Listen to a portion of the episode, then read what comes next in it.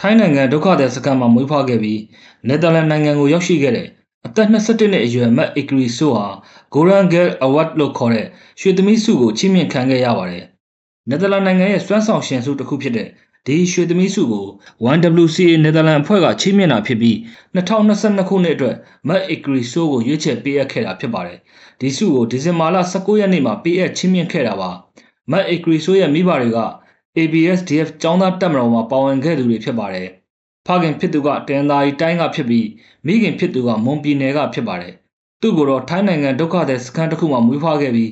အသက်၈နှစ်အရွယ်မှာတော့နယ်သာလန်နိုင်ငံကိုရောက်ရှိခဲ့တာပါ။မက်အီကရီဆိုဟာအမျိုးသမီးရေးကိုစိတ်ဝင်စားခဲ့ပြီးအမျိုးသမီးအရေးလှုပ်ရှားမှုတွေမှာဥဆောင်ပါဝင်ခဲ့သူပါ။မြန်မာနိုင်ငံမှာစစ်တပ်အာဏာသိမ်းခဲ့တဲ့2021ဖေဖော်ဝါရီလ1ရက်နေ့နောက်ပိုင်းမှာလည်းမြန်မာအရေးအတွက်လှုပ်ရှားမှုတွေလှုပ်ဆောင်ခဲ့ပါသေးတယ်။ ဒီလိုလှုပ်ဆောင်ဖြစ်ခဲ့တဲ့အကြောင်းနဲ့ပတ်သက်ပြီးသူကအခုလိုရှင်းပြပါတယ်ဟုတ်ကဲ့ main liquid ရတော့အဲသမီးဒါစိတ်ဝင်စားတာဖြစ်လဲဆိုတော့ဒီလိုကြီးလာတဲ့ချိန်မှာပေါ့နော် main ကလေးဖြစ်တဲ့အတွက်တခါတခါဆိုလူတွေကကိုယ့်ကို respect မပေးဘူးပေါ့နော်တက်လည်းငယ်သေးတယ်ဆိုတော့ဒီလိုအဲ့ဒါတော့ပြစ်ဆိုရအောင်တော့မဟုတ်ဘူးဒါပေမဲ့ဘာဖြစ်လို့လဲကိုယ့်ကိုတော့ထပ်မေးရှင်တာပေါ့နော်ဘာဖြစ်လို့လဲဒီဟာ ဒီလိုဖြစ်နေတာလဲတို့ဘာတို့အဲ့ဒါနဲ့ interest ကစလာတယ်ဒီလိုစိတ်ဝင်စားတယ်ဖြစ်လို့ main ကလေးယောက်ျားဘာကွာခြားတာလဲဒီလိုသမီးငယ်ကတည်းကစားစိတ်ဝင်စားနိုင်ငံရေးတို့ဘာတို့လေဘာဖြစ်လို့ပြေးလာရတာလဲငငယ်တုန်းဆိုရင်ဒုက္ခသည်စကန်မှာဆိုရင်မှတ်မိသေးတယ်အဖေကဒီလိုတန်းရွှေသမီးရဲ့အဲမင်္ဂလာဆောင်ပွဲပြတာလေသူတို့ဘာဖြစ်လို့ဒီလောက်ချမ်းသာတာလဲ တချို့လူတွေကဖြစ်လို့စင်ရဲတာလဲပြီးတော့ကြီးလာတဲ့နေရာမှာလဲတစ်ခါတည်းစခန်းမှာဆိုရင်လည်းဦးလေးတွေတွေ့တယ်လေခြေထောက်မရှိတဲ့ဦးလေးတွေမျက်စိမရှိတဲ့ဦးလေးတွေအဲ့ဒါနေနိုင်ငံရေးစိတ်ဝင်စားတယ်စိတ်ဝင်စားတော့သူတို့ကိုမေးတယ်ဘာဖြစ်လို့လဲတို့ဘာလို့ပေါ့နော်သူတို့ကတော့ရှင်းပြပါတယ်ဒီလိုမြန်မာပြည်ချင်းတွေကိုရှင်းပြတယ်ငယ်လဲတက်ငယ်လဲသူတို့ကရှင်းပြတယ်ဒါပေမဲ့တစ်ခါတစ်ခါဆိုတချို့လူတွေကရှိတာပေါ့နော်ဒီလို main clip ဖြစ်တဲ့ကြောင့်သမင်းပဲချက်ပါမေးခွန်းနဲ့မထုံနဲ့ တက်ငယ်တယ်ကလေးကဘာလုပ်မလဲအဒီဟာတွေကလေးလုံးမဟုတ်ဘူးတို့ဘာလို့ရှိလာတာပေါ့နော်အဲ့ဒါနီးစိတ်ဝင်စားလာတာဖြစ်လို့ကိုက main ကလေးဖြစ်ကြအောင်ဒီမေးခွန်းနဲ့ထုတ်လို့မရတာလေယောက်ျားဖြစ်ခဲ့မယ်ဆိုရင်ရောကွာချားမှုရှိမလားအဲ့ဒါနဲ့အဲဒီနယ်သာလန်မှာရောက်တော့ main ကလေးခွင့်ရေးတို့ဘာလို့ပို့ပြီးတော့စိတ်ဝင်စားတယ်ဒီနယ်သာလန်မှာဆိုရင်လည်းပြောပါတော့အဲမြန်မာပြည်နဲ့ဆိုင်ရင်တော့ main ကလေးခွင့်ရေးတာတော့ရှိတယ်လေဒီလိုအမ်နိုင်ငံရေးပဲဖြစ်စီးပွားရေးပဲဖြစ်ဒါပေမဲ့ main ကလေးဒီဒီနိုင်ငံမှာတောင်မှလည်း ဒီလိုအမ်ခက်ခဲတယ်ရှိတယ် main clip ဖြစ်ကြအလုပ်လောက်တာငွေရတာနဲတို့ပါတို့လေအဲ့ဒါကြောင့်ဒါစိတ်ဝင်စားတယ်စိတ်ဝင်စားတယ်ပြီးတော့ပြောင်းလဲပြောင်းလဲချင်းတယ်သမီးတင်းနေ့ချိန်သားသမီးရရင် main clip ရရင်ဒီလိုခက်ခဲတယ်မကြုံရအောင်ပေါ့နော်အဲ့ဒါနဲ့ YWCA နဲ့ဆက်သွယ်ရတယ်ဆက်သွယ်ရတော့အဲ့ဒါနီးဒီလို UN Women နဲ့လည်းဒီလို program တွေတူတူလုပ်တာပေါ့လုပ်ရင်းနဲ့ပဲအဲ့ဒါစိတ်ဝင်စားတော့အဲ့ဒီဖက်မှာသွားတယ်သွားတော့ မြန်မာပြည်ရေးခင်းဖြစ်တော့ကိုယ့်ရဲ့အိမ်ပဲလေနောက်ပြီးဆုံးကတော့ကိုယ့်ရဲ့အိမ်ပဲဆိုတော့အဲ့ဒါ human right နဲ့လည်းစိတ်ဝင်စားတယ်ဖြစ်တယ်ဆိုတော့ကြီးလာတဲ့နေရာဒုက္ခသည်စခန်းအဲ့ဒီဒုက္ခသည်စခန်းမှာဘလို့နေထိုင်ရတာလဲဒီဒီနောက်နိုင်ငံရောက်လဲကိုယ့်ရဲ့အိမ်တော့ကိုကမေ့လို့ကိုမရတာလေဆိုတော့အဲ့ဒါလူတွေရဲ့ခွင့်ရေးကိုသာလှုပ်ချင်တယ်ဒါပေမဲ့မြန်မာပြည်ကိစ္စ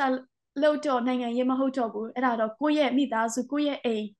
အရေးဖြစ်တော့အဲ့ဒါ သားကိုအမ်လူတွေသိအောင်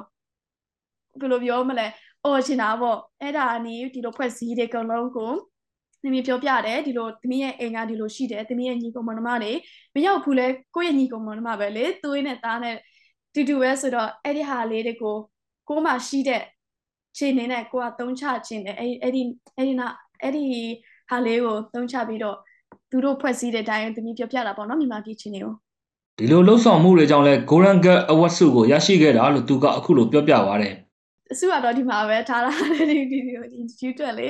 အမ်အစုကဒီ Golden Girl Award ပေါ့နော် Golden Girl Award ကတော့ YWCA နယ်သာလန်ကပေးတယ် YWCA နယ်သာလန်ကတော့ဒီကဘာတစ်ခုလုံးမှာသူတို့ကရှိနေတာလေ main click ခွင့်ရေးတဲ့အတွက်ဒီ YWCA ဒီ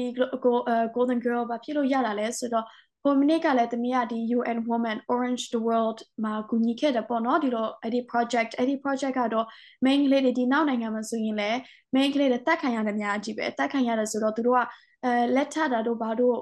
ယောက်ျားကရိုက်တာလေဇနီးကိုသူတို့ကရိုက်တယ်အဲ့ဒီဟာလေးတွေကိုမဖြစ်အောင်ပေါ့နော်အဲ့ဒါငွေစုတာတို့ project လုပ်တာတို့နိုင်ငံတော်တင်ပြတာတို့အဲ့ဒီ project တွေလုပ်ခဲ့တယ်လုပ်ခဲ့တဲ့ချိန်မှာပဲတခါတည်းမှာသမီးဒီ စီးပွားရေးစတာပေါ့နော်စီးပွားရေးဆိုတော့ main ကလေးတွေသူတို့ငွေတွေကိုကင်တက်ဖို့အဲ့ဒါဒါအရေးကြီးတယ်လေတချို့တွေဆိုရင်ဒီလိုယောက်ျားကင်ထားတာပေါ့နော်ဒီလိုဘာဖြစ်လဲဆိုတော့သူတို့ဟာသူတို့ငွေရှာမတက်ဘူးကိုကိုကိုငွေကင်လို့မတက်ဘူးအဲ့ဒီ project ကိုလုပ်လုပ်ခဲ့တယ်လုပ်ပြီးတော့အဲ့ဒီအချိန်မှာပဲရေခင်းဖြစ်လာတော့ရေခင်းကိုလုပ်တယ်အဲ့ဒီမြန်မာပြည်အတွက်ပေါ့နော်လူလူရဲ့ human right ဖက်လုပ်တော့ကျောင်းဟော်လည်းတစ်ဖက်ရှိတယ်ဆိုတော့လောက်တာတော့အများကြီးပဲ ကျောင်းဟော်လည်းရှိတယ်ဆိုတော့တားကိုလှုပ်လှုပ်ခဲ့တာပေါ့နော်အဲ့ဒီလှုပ်လှုပ်ခဲ့မှာဒီ impact ကလည်းတွေ့တာပေါ့ဖွဲ့စည်းကလေအဲ့ဒီ YDBC ရဲ့ဖွဲ့စည်းကဒီလိုပြောင်းလဲဘယ်လိုပြောင်းလဲတာလဲအဲ့ဒါသူတို့တွေ့ပြီးတော့သူတို့ကကြိုက်သွားတာပေါ့ကြိုက်တော့သူတို့ကအဲ့ဒီဒီစုကိုပေးတာပေါ့နော်ဒါအပြင်မက်အဂရီဆိုဟာဥရောပပါလီမန်ထဲကိုအချိန်မျိုးဝင်ထွက်ပြီးပါလီမန်ခေါင်းဆောင်တွေကိုတွေ့ဆုံခွင့်ရှိတဲ့ lobby pass ကိုလည်းရရှိထားပါသေးတယ်။ lobby pass ရရှိတဲ့အထက်မှာသူကအသက်ငယ်ဆုံးလူငယ်တဦးလည်းဖြစ်ပါတယ်။ လက်တလုံးမှာမြန်မာနိုင်ငံရေးဖြစ်စဉ်တွေကိုလေ့လာနေသလိုအချက်လက်တွေလည်းရှာဖွေစူးစောင်းနေပါတယ်။မြန်မာရေးနဲ့ပတ်သက်ပြီးလူများသိရှိစေဖို့ကြိုးစားလှုံ့ဆော်ရမယ်လို့သူကဆိုပါတယ်။ဥရောပပါလီမန်ထဲကိုအချိန်မီဝန်ထွက်နိုင်တဲ့အခွင့်အရေးကိုမြန်မာအရေးအတွက်အကောင်းဆုံးအသုံးချသွားမယ်ဆိုတဲ့အကြောင်းကိုအခုလိုအရှင်းပြပါသေးတယ်။လူတွေကဒီလိုမြန်မာပြည်အကြောင်းကိုသိအောင်ကိုကပြောရမယ်။အဲ့ဒါတော့ကို့မှာတာဝန်ရှိတယ်။ရှိတယ်ဆိုတော့အဲသမီးတချို့လူတွေကဒီလို TikTok တို့ဘာတွေမှာတက်တာလေကောင်းတယ်။ ဒါပေမဲ့သမီးကအဲ့ဒီနေရာမဟုတ်ဘဲနဲ့သမီးကဘလို့ပို့ပြီးတော့ကောင်းမလဲဆိုသမီးရဲ့နေရာကလေဒီလိုနိုင်ငံရေးဖက်ကသမီးကပို့ပြီးတော့စိတ်ဝင်စားတယ်ပို့ပြီးတော့လှုပ်တယ်အရင်ကလည်းလှုပ်တယ်နဲ့သမီးနိုင်ငံရေးတို့ဥရောပနိုင်ငံရေးတို့အဲ့ဒီဆိုတော့သမီးအဲ့ဒီ lobby pass တောင်းတာကပြီးတော့ရတာကမြန်မာပြည်အတွက်လေမြန်မာပြည်အတွက်ဆိုရင်သမီး parliament ကိုချိန်မရွေးဝင်လို့ရတယ်ဒီလို24နာရီဝင်လို့ရတယ် ဝင်ပြီးတော့ဒီလိုနိုင်ငံရေးသမားတွေကိုသမီးစကားပြောချင်တယ်စကားပြောပြီးတော့မြန်မာပြည်ဘယ်လိုချင်နေရှိကြလဲမြန်မာပြည်ကိုကူညီဖို့ရန်အတွက်ပေါ့နော်ဘာဖြစ်လဲဆိုတော့ဒီမြန်မာပြည်နိုင်ငံမှာအခုလောလောဆယ်လုပ်နေတာဒါတော့တယ်ဒါပေမဲ့ support ကတအားလိုအပ်တယ်လိုအပ်တယ်ဆိုတော့ဥရောပ support ပေးဖို့ဒီလိုအရင်ကြီးပဲဖြစ်ပေါ့နော်ဒီလိုဖွာစုထောင်ချတဲ့ဟာလေးတွေပဲဖြစ်သူတို့မမေ့အောင်တော့ကိုက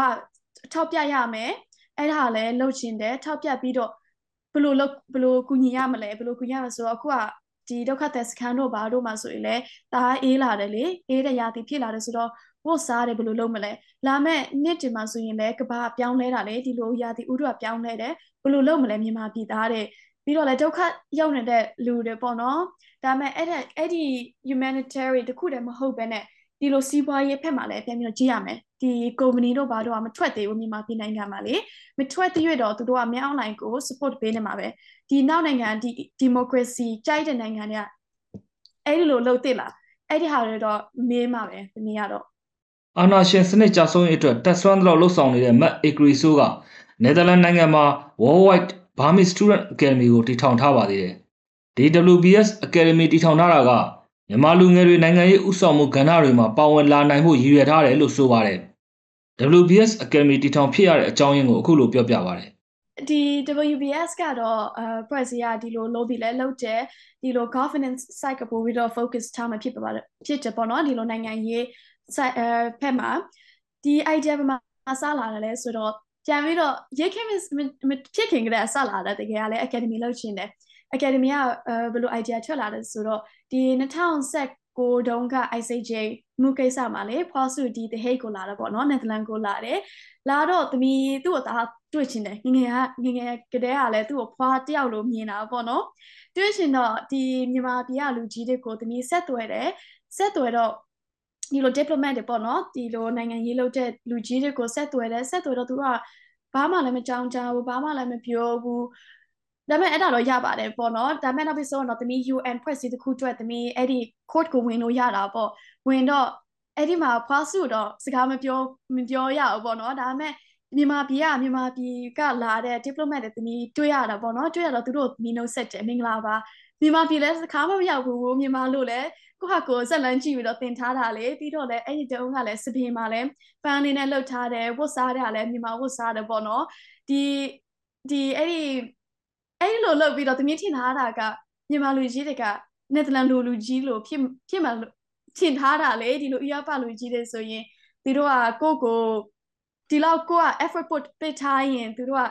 ကိုကိုနှုတ်ဆက်တာပေါ့နော်ဒါပေမဲ့သမီးမြန်မာလူကြီးတွေကိုသမီးနှုတ်ဆက်တော့သူတို့ကဒီလိုပဲကြည့်ပြီးတော့သွားလိုက်တာ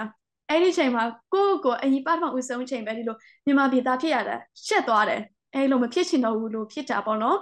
အဲ့ဒါနဲ့ပြန်တဲ့လမ်းမှာငိုတယ် ဒီလိုဘလို့ဖြစ်လို့လဲကိုကတန်ရောစင်ရှိတာလေမြန်မာပြည်နိုင်ငံကိုဒါပေမဲ့ဒီလိုဖြစ်တော့ကိုလူမလို့လို့ခံစားရတာပေါ့နော်အဲ့ဒါနဲ့အဖေကပြောလဲဆိုတော့သမီးတဲ့သမီးကအဲ့လိုခံစားရမှာဆိုဖွားဆိုဘလို့ရှိမလဲတဲ့ဘာဖြစ်လဲဆိုတော့အဲ့ဒီခတ်ထားတဲ့လူတွေကစစ်တပ်တွေပေါ့နော်လူတွေဒီလိုတကယ်မြန်မာနိုင်ငံကမဲပေးပြီးတော့ခတ်ထားတဲ့လူတွေမဟုတ်ဘူးတဲ့အဲ့ဒီမှာသမီးစဉ်းစားမိတယ်ပေါ့နော်ဟုတ်တာပဲဒီလိုဒီလို diplomat တို့ဒီလို lawyer တို့ကမြန်မာပြည်မှာ စစ်တပ်ခတ်ထားတဲ့လူတွေပုံများတယ်လေ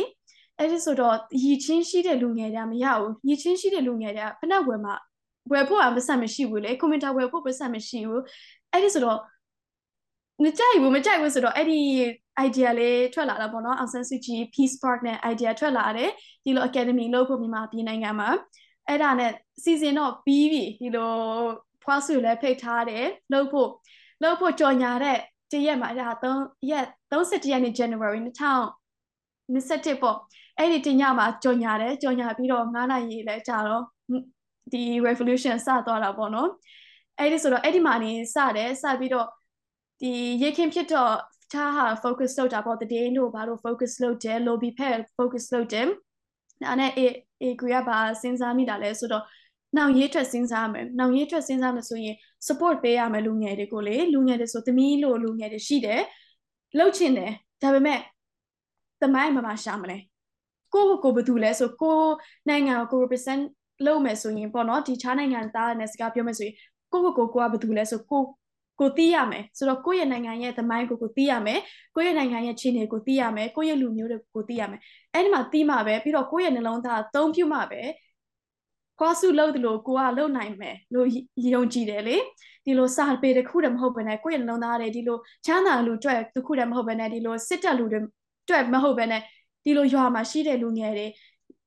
အဲ့ဒီသူတို့ရဲ့နောင်ရေးအတွက်ကောင်းအောင်ကိုကလမ်းလမ်းလမ်းဖော်ပြရမှာပေါ့နော်အဲ့ဒီဆိုတော့လူငယ်တွေရှိတဲ့လူငယ်တွေအခုနည်းနည်းချိန်ဒီလို Europe Parliament မှာဝင်ဝင်ဒီ UN မှာဘယ်လို့လို့သူတို့ကိုပညာပေးရမယ် ပညာပေးမယ်ဆိုတော့သမီးလိုက်လျှောက်ကြည့်တယ်ဘလို့ရှိတာလဲချင်းနေရပေါ့နော်ပြီးတော့လဲသူတို့ကိုသူတို့ယုံကြည်မှုရှိအောင်အတွက်တိတ်ပြီးတော့မတွေ့မိဘူးဒီလိုမြန်မာပြည်ကို focus ပေးတဲ့ဟာလေးလေသမီးကတော့ခဏခဏဒီ Europe အဲလူငယ်ဖွဲ့စည်းတဲ့လုပ်တဲ့ program တွေမှာတော့ပါဝင်တယ်ဒါပေမဲ့မြန်မာပြည်အတွက်မရှိဘူးဆိုတော့အဲ့လို academy စလုပ်တယ်စလုပ်တော့အခု academy ကကျောင်းသားတွေကိုဒီလိုသမီးအရွယ်ကျောင်းသားတွေပေါ့နော်30အောက်လူငယ်တွေကိုဒီသမီးအနေသင်ပေးတာမဟုတ်ဘူးဆရာတွေကိုသမီး မေးတယ်ဒီလို diplomat တို့ကို training ပေးတဲ့ဆရာတွေကိုလာပြီးတော့သူကအနေသင်ပေးတာပေါ့နော်ဘယ်လိုကိုင်ရမလဲမြန်မာပြည်တက်လှုပ်လှုပ်ချင်ရင်ဘယ်လိုလုပ်ရမလဲဒါပေမဲ့ NUG ကိုလည်းသမီးမေးတာပေါ့နော်သူတို့လည်းဝင်ဝင်ကူတာပေါ့နော်ဒီလိုမြန်မာပြည်ဘယ်လိုချင်းနေရှိတာလဲဒီလိုမြန်မာပြည်ဖက်ကိုလည်းနားလည်ရမယ်ဒီတန်တမန်ရေးရဒီနောက်နိုင်ငံလုပ်တဲ့ဟာလေးလည်းနားလည်ရမယ်အဲ့ဒီဟာနှစ်ခုစုပြီးရင်တော့ lobby ပဲဖြစ်တန်တမန်ရေးရပဲဖြစ်လုပ်ဖို့ပို့ပြီးတော့ရင်းခင်းမှရေးကြည့်ရလေဒီလိုတော့မှလည်း ဒီလိုတိုက်ဖို့လည်းရေးကြည့်တယ်ဒီရန်ကုန်မှာဒီလိုအဲလမ်းပေါ်ထွက်ပြီးတော့ပြောတယ်လည်းရေးကြည့်သလိုဒီတန်တမန်ရေးရမှာလည်းရေးကြည့်တယ်အခုတော့အဲ့ဒီ academy ကတော့ဒီလိုလာမယ့်တစ်နေ့တစ်နေ့တစ်ခုတည်းမဟုတ်ဘူးเนาะလာမယ့်နှစ်50နှစ်60နိုင်ငံကတိုးတက်လာအောင်အတွက်လုပ်ရမယ်အဲ့ဒီလူငယ်တွေကိုဒီလိုအမ်တော်တဲ့လူငယ်တွေကိုစုပြီးတော့တူတူလှုပ်ကြဖို့အဲ့ဒီအဲ့ဒီလို idea လေးပါ အာနာရှင်စနစ်ကိုတော်လှန်ခဲ့တဲ့မိဘနှစ်ပါးကမွေးဖွားလာတဲ့မက်အဂရီဆိုဟာမြန်မာနိုင်ငံကိုမရောက်ဖူးသေးပေမဲ့မြန်မာအရေးကိုတက်တက်ကြွကြွလှုပ်ဆောင်နေပါတယ်သူ့လိုပဲမြန်မာအရေးကိုအားကျုံမှန်တက်လုပ်နေတဲ့လူငယ်တွေလူကြီးတွေကိုမြင်ရတာအယံဝတ်တာတဲ့အကြောင်းမက်အဂရီဆိုကအခုလိုပြောပြလိုက်ပါတယ်လုံနေတာတအားကိုဘယ်လိုပြောမလဲစိတ်စိတ်သမီးရဲ့စိတ်ကိုထိတာပေါ့နော်ဒီလိုတားတော်တယ်တော်ပြီးတော့ကိုယ့်ရဲ့နှလုံးသားအနေလောက်တဲ့အတွက်ဒါကိုကျေးဇူးတင်တယ်လူကြီးပဲဖြစ်ဒီလို ရှစ်ဆက်ရှိရေးခင်းမပေါ်ခင်ကတည်းကလုံနေတဲ့လူကြီးတွေလည်းကျေးဇူးတင်တယ်ဒါပေမဲ့ခုထွက်လာတဲ့ Gen Z တွေရရဲနဲ့တက်နေတာလည်းတအားကိုကျေးဇူးတင်တယ်ဆိုတော့အဲ့ဒါအဲ့ဒါကိုကျေးဇူးတင်ခြင်းတောင်းပြောရှင်တယ်